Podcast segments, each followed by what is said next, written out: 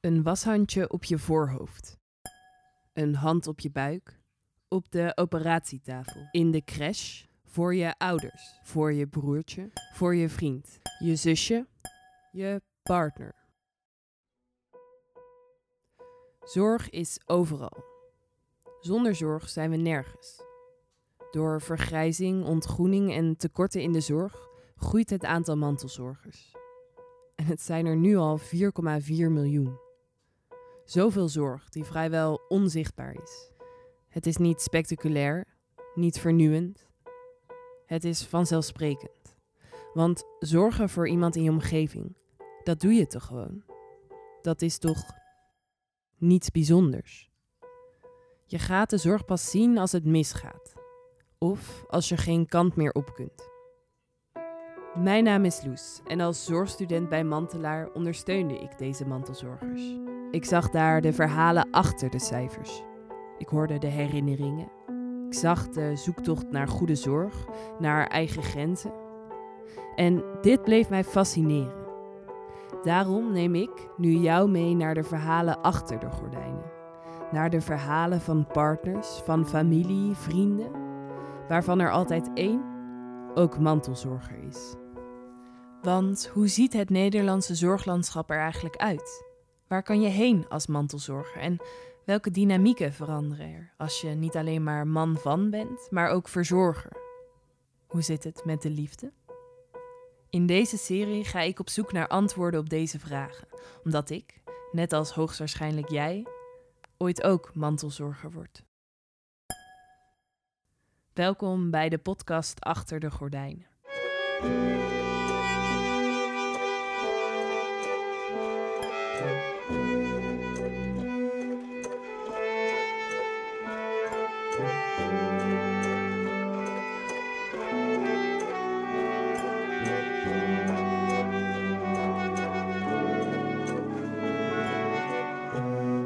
Vandaag begin ik met het verhaal van Uri en Carrie Link. Ik ga bij ze langs. Ze wonen in Amsterdam-Bolestein onder de vleugel van Schiphol. Aan de telefoon had Uri me uitgelegd dat ik de trein naar Amsterdam-Zuid moest pakken en vervolgens met de bus naar het Amsterdamse bos. Dat ik dan nog vijf minuutjes moest lopen, de straat oversteken onder de hoge flatgebouwen door, nog een stukje naar rechts en dan een rijtjeshuis. Oh ja, en hij zei dat de thee dan al klaar stond. Bij dat rijtjeshuis sta ik nu voor de deur.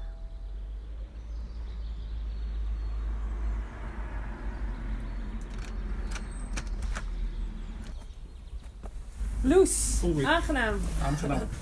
Ik ben Hallo. Maar ik heb reum aan mijn handen. Oké, dus doe even zo. Hi, Loes. Zouden jullie eens willen vertellen hoe jullie elkaar ontmoet hebben? Nou, dat is het eerste wat staat bij mij op de lijst. Oh, Al snel heb ik door dat Uri en Carrie van die mensen zijn die zeggen dat de thee klaar staat en dat die dan ook echt klaar staat. Oh, lekker. Wil je ook een kopje thee? Ja, heerlijk. Ik zit hier aan de eettafel. Deze is bedekt met een bloemetjes tafelkleed en voor mij staat een kopje thee. En een bak met koekjes, van die biscuitjes van het Digestive merk. Het valt me op dat het gordijn voor in de kamer gesloten is. Maar het gordijn achter, met uitkijk op de tuin, ja, die is wijd open. Waarom dat zo is, kom je nog wel te weten. Ik ben Eva Carrie Link. En wat moest ik nog meer zeggen? Hoe oud u bent? Ik ben 81 jaar oud. Eh, Mijn naam is Uri Link en ik ben 86 jaar. Uri en Carrie dus. Uri zit naast me. Hij heeft een grijze snor en bril en het valt me op dat hij voor zijn leeftijd nog goed ter been is. Carrie zit tegenover mij en heeft kort donker haar. Ze heeft een lieve, warmtevolle, maar ook scherpe blik waarmee ze me aankijkt. Ik ben eh, niet in Holland geboren. De bedoeling was ook niet naar Holland te gaan om te leven in Holland. Uri is 22 als hij met zijn vader voor diens werk meegaat naar Nederland. En ik ben met een meisje gegaan wat heeft gewerkt eh, in een consulaat. En ze heeft een avond willen ze gaan naar een lezing over een bepaald boek in de Larissastraat in een club. Uri gaat dus met zijn vriendin naar een boeklezing in Amsterdam. Maar daar ontmoet hij een andere vrouw. En ik kom daar en er was toevallig een stoel vrij, want mijn vriendin zat hier. En naast haar was deze jonge dame en ik vroeg, mag ik naast zitten? Ja.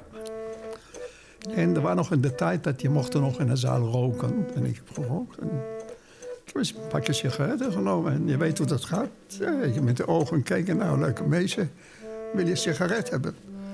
En met de stomiteit heeft ze ja gezegd. Ik heb nooit geroken, hè? Uri vraagt of hij Carrie naar huis mag brengen. Het zal vandaag niet op jouw gedachten komen met de wildvreemde man. Je kent hem helemaal niet. In de avond dat ik zo met haar van... Ze heeft gewoond in de Admiraal de Ruiterweg. Te voet te lopen van de Larissastraat met de wildvreemde man... naar de Admiraal de Ruiterweg. Dat was nog een half uurtje, drie kwartier te lopen. Maar zijn andere vriendin dan? En naar de andere meisje heb ik eh, gezegd... ja, de meisje is alleen, ik breng haar even naar huis. Zij vindt het niet erg. Nou, zij vond het niet erg, gelukkig. En ik heb haar naar huis gebracht. Ja. Nou, het, het leukste is, dat weet ik vergeten... zij doet de deur open. Haar moeder, ze was 18, maar nog heel jong. En ik zeg tegen haar... wil je misschien morgen met mij naar de bioscoop gaan? Dus ik zeg, mama, eh, deze meneer, die heb ik leren kennen net. En ik wil je voorstellen. Maar ik weet zijn naam niet. Ik zal het even vragen. Nou, we lagen in een deuk. Ja. Nou ja, toen hoorde ik zijn naam Uri. Ik denk, nou, Uri is wel een leuke naam. Nou, en daar zitten we nou tezamen tot vandaag. Ja, dat is echt zo gebeurd. De wildvreemd, dat was, het klikte, het was chemie. Ik vond het liefst op het eerste gezicht. Ik vond hem hartstikke leuk. Nou, gelukkig. Ze zijn nu 62 jaar getrouwd. Ze hebben een grote familie. Om mij heen lachen kinderen, kleinkinderen en zelfs achterkleinkinderen mij vanuit de foto's toe. We hebben tien kleinkinderen. Ja. We hebben zes achterkleinkinderen en twee zijn onderweg. Ze hebben samen de wereld over gereisd. We zijn Australië geweest, Nieuw-Zeeland, Zuid-Amerika. Eh, In Amerika zelf vaak, Canada. Is een van mijn favorieten. Uri is een kenner van de geschiedenis, van stambomen, de oorsprong van namen, van Hebreeuwse namen. Hij werkte mee aan onderzoeken van universiteiten en heeft boven in zijn werkkamer een collectie aan zeldzame, waardevolle boeken.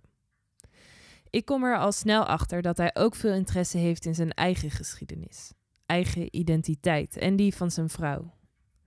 Misschien moet dat ook wel, als de wereld zoveel belang hechtte aan jouw identiteit de Joodse identiteit. Oké. Ja, maar waarom je heet Carrie, dat weet ik tot vandaag niet. Eva Carrie heet ik. Ja, weet ik. heet ik. niet Carrie, ik heet Ja. Eva Carrie. Ja, dat weet ik. Maar Eva is geen probleem, het is een Bijbelse naam. Ja. Maar Carrie, Oké, misschien weet Uri dus niet alles. Maar dat de gordijnen dicht zaten is niet alleen mij opgevallen.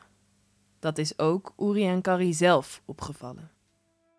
Mijn vrouw, bij wijze van spreken, vindt altijd lekker wanneer het is hier de gordijnen dicht. Ja. Ook, ook overdag soms. En we snapten het nooit. Ik snapte het nooit. Ik zeg, Ja, ik toch- ook zelf niet waarom ik dat doe. Het is toch het mooiste, alles open. Ja, gewoon lekker, licht, licht. En ik doe altijd alles dicht. Zo kwam hij erachter waarom Carrie altijd de gordijnen dicht heeft. En dat gaan we onderzoeken. En toevallig vertelde haar neef. Met haar neef zat Carrie de eerste drie jaar van haar leven ondergedoken. Ze was zelf nog erg jong en heeft er geen actieve herinneringen meer aan. Hij wel. En hij vertelde. Dat ze man altijd, er was iets. Hebben ze altijd in een kleine gat in de grond gestopt en even dicht gedaan. Dat men ze niet pakken. Als er iets was, dan moesten ze onderduiken. Onzichtbaar worden. Alles dicht is veiliger dan alles open. Maar toch sta ik hier nu met Carrie voor het open raam met uitkijk op de tuin. Waarom is dit gordijn dan wel open? Eens komen daar duiven, daarachter. en dat vond ik prachtig. Twee, die zaten met elkaar te vrijen. Dat vond ik het mooiste wat er was. Die zaten naast elkaar en toen opeens zag ik een klein babytje. Een klein vogeltje. Naast hun. Dat was zo leuk. Dat is toch het mooiste wat er is. Liefde en reizen. Daar krijg je heel wat avonturen van. We pakken een fotoboek en gaan daar doorheen bladeren. En de mooiste verhaal in deze hotel was... De verhalen komen snel naar boven. Toen ze 40 jaar getrouwd waren, had Uri een koninklijke trouwsuite in Maleisië gereserveerd. Nou, prima. Maar in dezelfde hotel... Misschien zegt de naam Schumacher iets aan u. De autocoureur. Ja. Nu zegt de naam Schumacher mij niet superveel. Maar na even googlen kom ik al snel achter de grootte van de naam. Een Duitse autocoureur die zeven wereldtitels op zijn naam heeft staan. And Schumacher retakes the lead. A round of applause from the Ferrari mechanics. Well, that is total brilliance from Michael Schumacher. Michael Schumacher leads for Ferrari in. He is the reference point. He is the best driver I've ever seen. Ja, dat is. De hele familie was er. Hij is geweest, zijn broer, Ralf en de ouders. Maar de hotel was een heel hotel aan de strand. En zij wilden de grote suite hebben, de trouwsuite hebben. En ik zei, ja, het spijt ons heel erg, maar we hebben het uh, al verhuurd aan een jonge echtpaar uit Amsterdam. Dat waren Ja. wij. Ja. We zijn gekomen naar het hotel. Zegt, dat zijn jullie de jonge stel. Een Amsterdam stel dat boven Schumacher sliep. En de autocoureur voor die nacht even achter zich liet. Het enthousiasme springt er vanaf. Er was nog een foto gemaakt met Schumacher en Carrie. Maar ik, ik zoek, ik zoek eh, Schumacher. Nou, bel hem op. Ja, Ik wil dat gaan zitten maar het is op einde van de reis geweest. Bladeren door herinneringen, op zoek naar Schumacher. Oh, de vogel staat hier. Waar is hij? Oh ja, daar zit hij. Ja. Het is hier geweest. hè. Irgendwo. Heel raar dat de foto is hier niet. Of ik heb het aan Michael gegeven. Ik heb mijn kleinzoon houden van autoraces. Misschien heb ik hem aan hem gegeven. Oh, dat ben je wel toen Ik zie het staan. niet. Daar heb je gelijk in. Je kan reizen om een andere cultuur te leren kennen. Je horizon te verbreden, gewoon er lekker tussenuit te gaan. Dit deden ze allemaal. Maar je kan ook reizen om de werkelijkheid even te ontvluchten. Om samen in een andere wereld weer hernieuwde energie te vinden. Ik ben een paar keer ziek geweest in mijn leven. Ik heb helaas drie keer kanker gehad. De eerste keer dat we hem kanker had, dat ik heb gekregen, is het gelukkig voor mij vrij snel gegaan. Ik heb pijn in mijn rug gehad en dat is, wilde niet weggaan. Ben ik naar mijn internist gegaan. Dezelfde dag heeft hij mij in het ziekenhuis in Amsterdam direct de echo laten doen. Volgende dag CT, een dag later de arts gebeld dat ik heb afspraak bij de oncoloog genomen. Nou ja, dat hoef je niet meer te weten. Dan weet je precies wat je hebt. Zei, dat noem ik kanker. Dat moet oud. Ik moet de hele nier uithalen. Binnen tien dagen kan ik opereren. Tien dagen. Nou, lang genoeg voor een reis. Volgende ochtend zaten we in Portugal een week. Een goede hotel genomen. Lekker. Geen geziel. Maar helaas bleef het daar niet bij. Daarna heb ik in 2014 longkanker gekregen. Daar ben ik goed uitgekomen. 2019 heb ik nog een keer longkanker gekregen. En gedurende al die periodes hielp Carrie hem. Ze heeft me altijd gesteund. Ja, tuurlijk. Echt, echt gesteund. Niet, niet zomaar even oh, zielig of zoiets. Gewoon hoe het hoort. Niet gekankerd, niet gejankt, niet, eh, niet gezuurd. Gewoon uh, volwassen genomen. Kan ik je wat helpen? Prima. En dan zeg ik hetzelfde. Zij is nou ziek, dan doe ik hetzelfde. Gewoon hoe het hoort. Maar hoe hoort het? Dat is een vraag waar ik thuis nog lang over nadenk. Je partner wordt ziek, er is angst. Je moet ondersteunen, je moet naar het ziekenhuis. Je wereld ligt overhoop. Mag je dan niet huilen? Mag je dan niet zeuren? Mag je eigenlijk om hulp vragen? Zorg is niet voor niets zo onzichtbaar. Nou, hier sta ik weer. Nou, Ik denk Zorgmarkt, denk ik.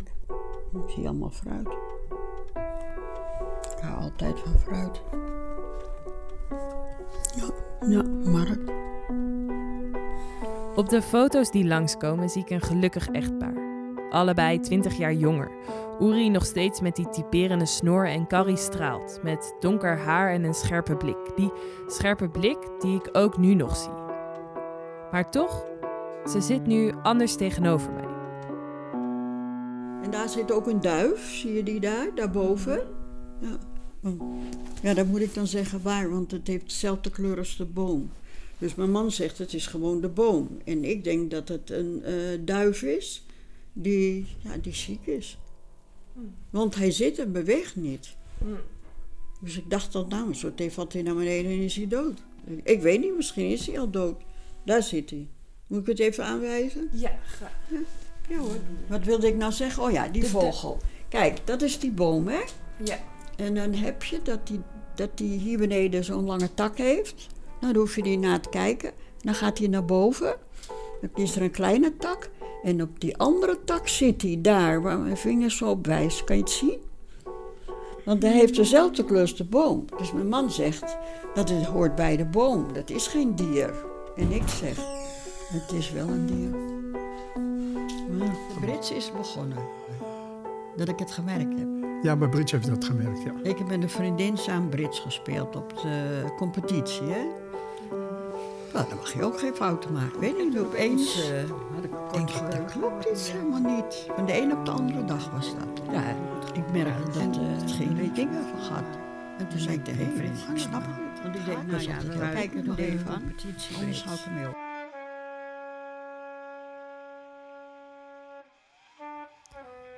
Bladerend door de foto's vraag ik.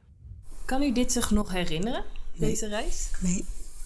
Ik, eh, ik was boekhoudster vroeger. En eh nou heb ik, eh, ik ben 81 en wat heb ik cadeau gekregen? Dat ik alles vergeet. Is dat niet erg? Mijn korte geheugen is aangetast. Ik denk, eh, ja, een paar maanden geleden, ik denk, wat gek, ik vergeet alles.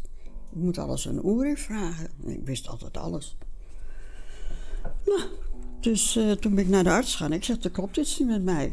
Dus eh, van A tot Z hebben ze me gecontroleerd. Twee artsen, vrouw en een man. En toen zeiden ze, ja, we moeten iets mededelen. Een korte geheugen is aangetast, er is niks aan te doen. Moet u mee leren leven. Hm, en toen kon ik weer gaan. Misschien is het Alzheimer, ik weet niet zeker.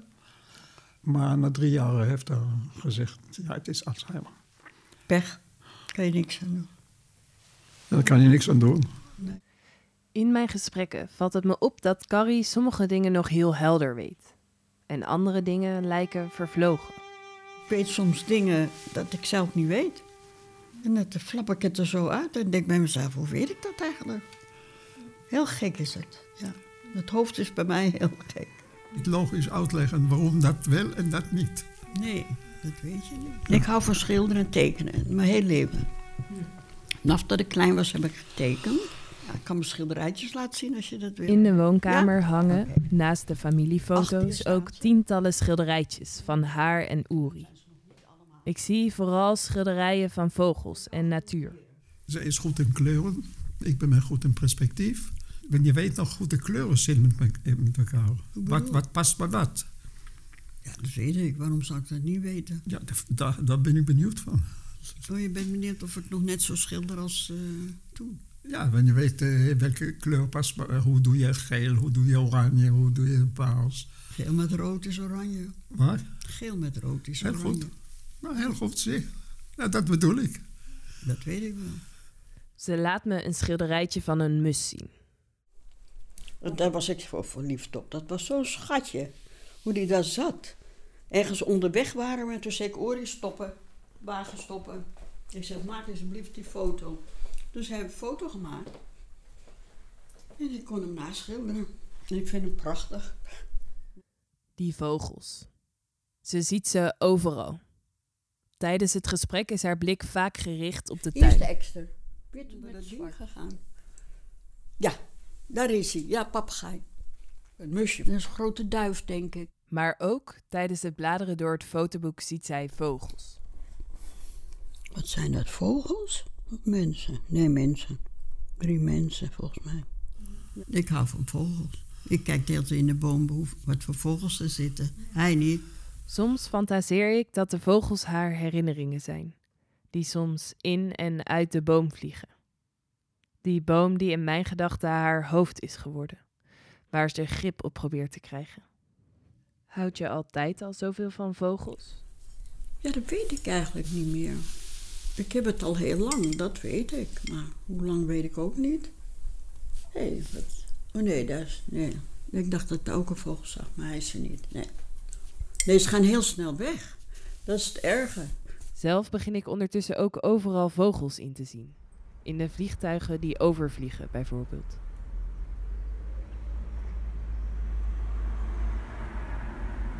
Ik hou van vogels. Ik weet ook niet waarom.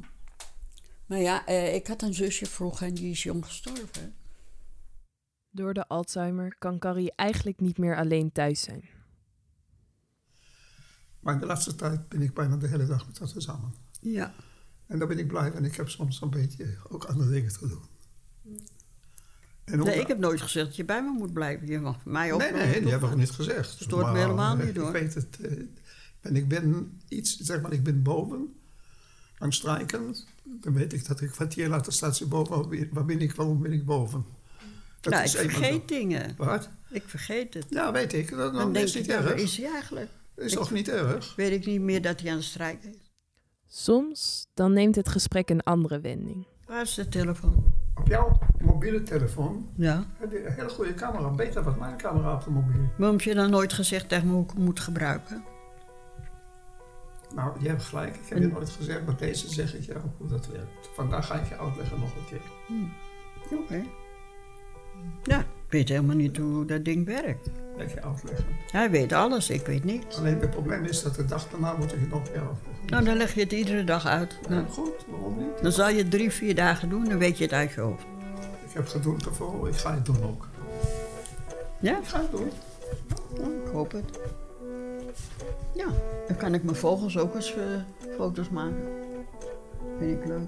Oud. Waarom doe je dat? Zonder toestemming van mij. Maar jij houdt niet van vogels, hoe kan je daar vogels van? Nee, ik heb, ze, ik heb het voor jou gedaan. Ja, heb leg ik nooit wat uit. We hebben geduld ervoor. Om nog een keer uit te leggen, om nog een keer uit te leggen. Ik snap het niet. Je denkt nooit aan het mij. Mag ik even? Ah, Ik wil zien. Hij weet alles, ik weet niks. Het contrast wordt steeds groter. Wat gebeurt er met een relatie als iemand vergeet wat je samen hebt meegemaakt? Wat als je niet alleen meer haar man bent, maar elke dag weer haar mantelzorger? Carrie is even weg. Kijk, jij hebt het gemerkt. Ik kan mijn vrouw tien keer vertellen. Ze, ze weet het niet. Het is een ziekte, daar kan ik niks aan doen. Ik heb er geduld ervoor. In het begin was moeilijk. Ja, in het begin, je moet, je moet het zelf beseffen. Ik wou natuurlijk in het begin werken, weet je, die snapt het niet. Zeg, nou, ik heb Jan honderd keer gezegd, nou, hou nou op. Ze hoeft niet op te houden. Ze weet het echt niet. Dat doet hij met liefde. Ja, probeer het. is niet makkelijk, maar... oh. Kijk, ze heeft mij altijd ook geholpen. Ik heb kanker drie keer gehad. Vergeet ik nooit. Er zit een vogel verstopt op een tak in een boom. In een hoofd een gedachte, misschien verstopt in een droom. Geleefd en gevlogen, verstopt in de tijd. Zit een vogel misschien, ben hem eventjes kwijt.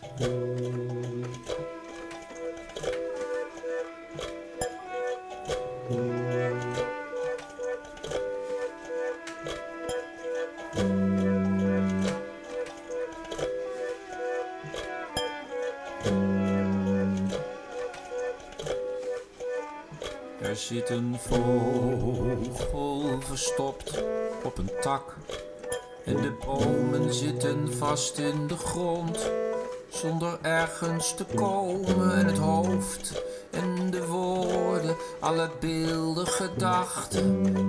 Alles wil vliegen, wil niet langer meer wachten. Het stijgt op van de het zweeft boven de top. En de vogel komt tevoorschijn, zal zich niet meer verstoppen. En zie de vogel vliegt mee, kijk goed, hij vliegt snel. Misschien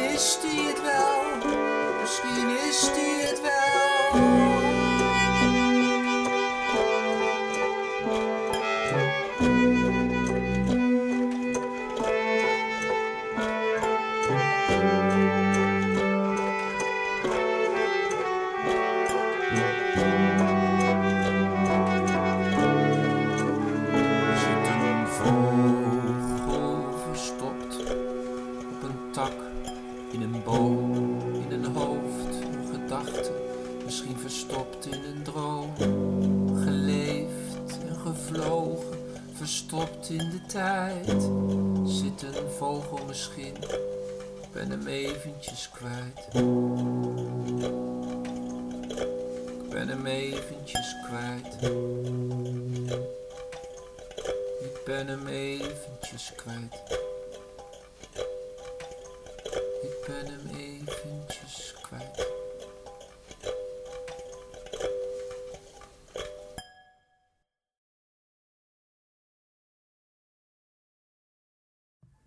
Ik vroeg aan Carrie wat ze leuk aan Uri vond. Dat weet ik eigenlijk niet. Hij zag er leuk uit, hij eh, was charmant. En ja, we gingen naar de bioscoop wel eens. Ja. Vond ik ook wel leuk.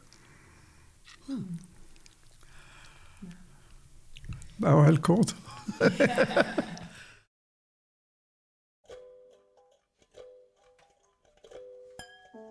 Bedankt voor het luisteren naar het verhaal van Uri en Carrie. In de volgende aflevering weer een ander verhaal, waarin ik ontdek wat er allemaal op je pad komt als mantelzorger. Deze podcast is gemaakt door mij, Loes de Groen, in samenwerking met Mantelaar. Mantelaar ondersteunt mantelzorgers zoals Uri.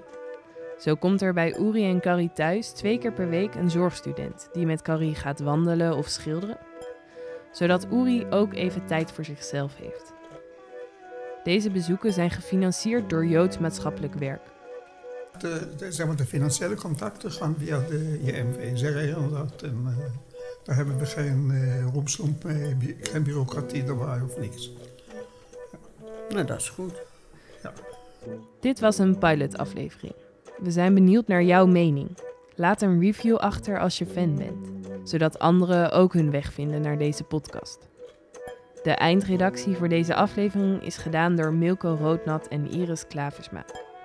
Muziek door Job van Gorkum, waarvan de mixage is verzorgd door Thijs Pothoven.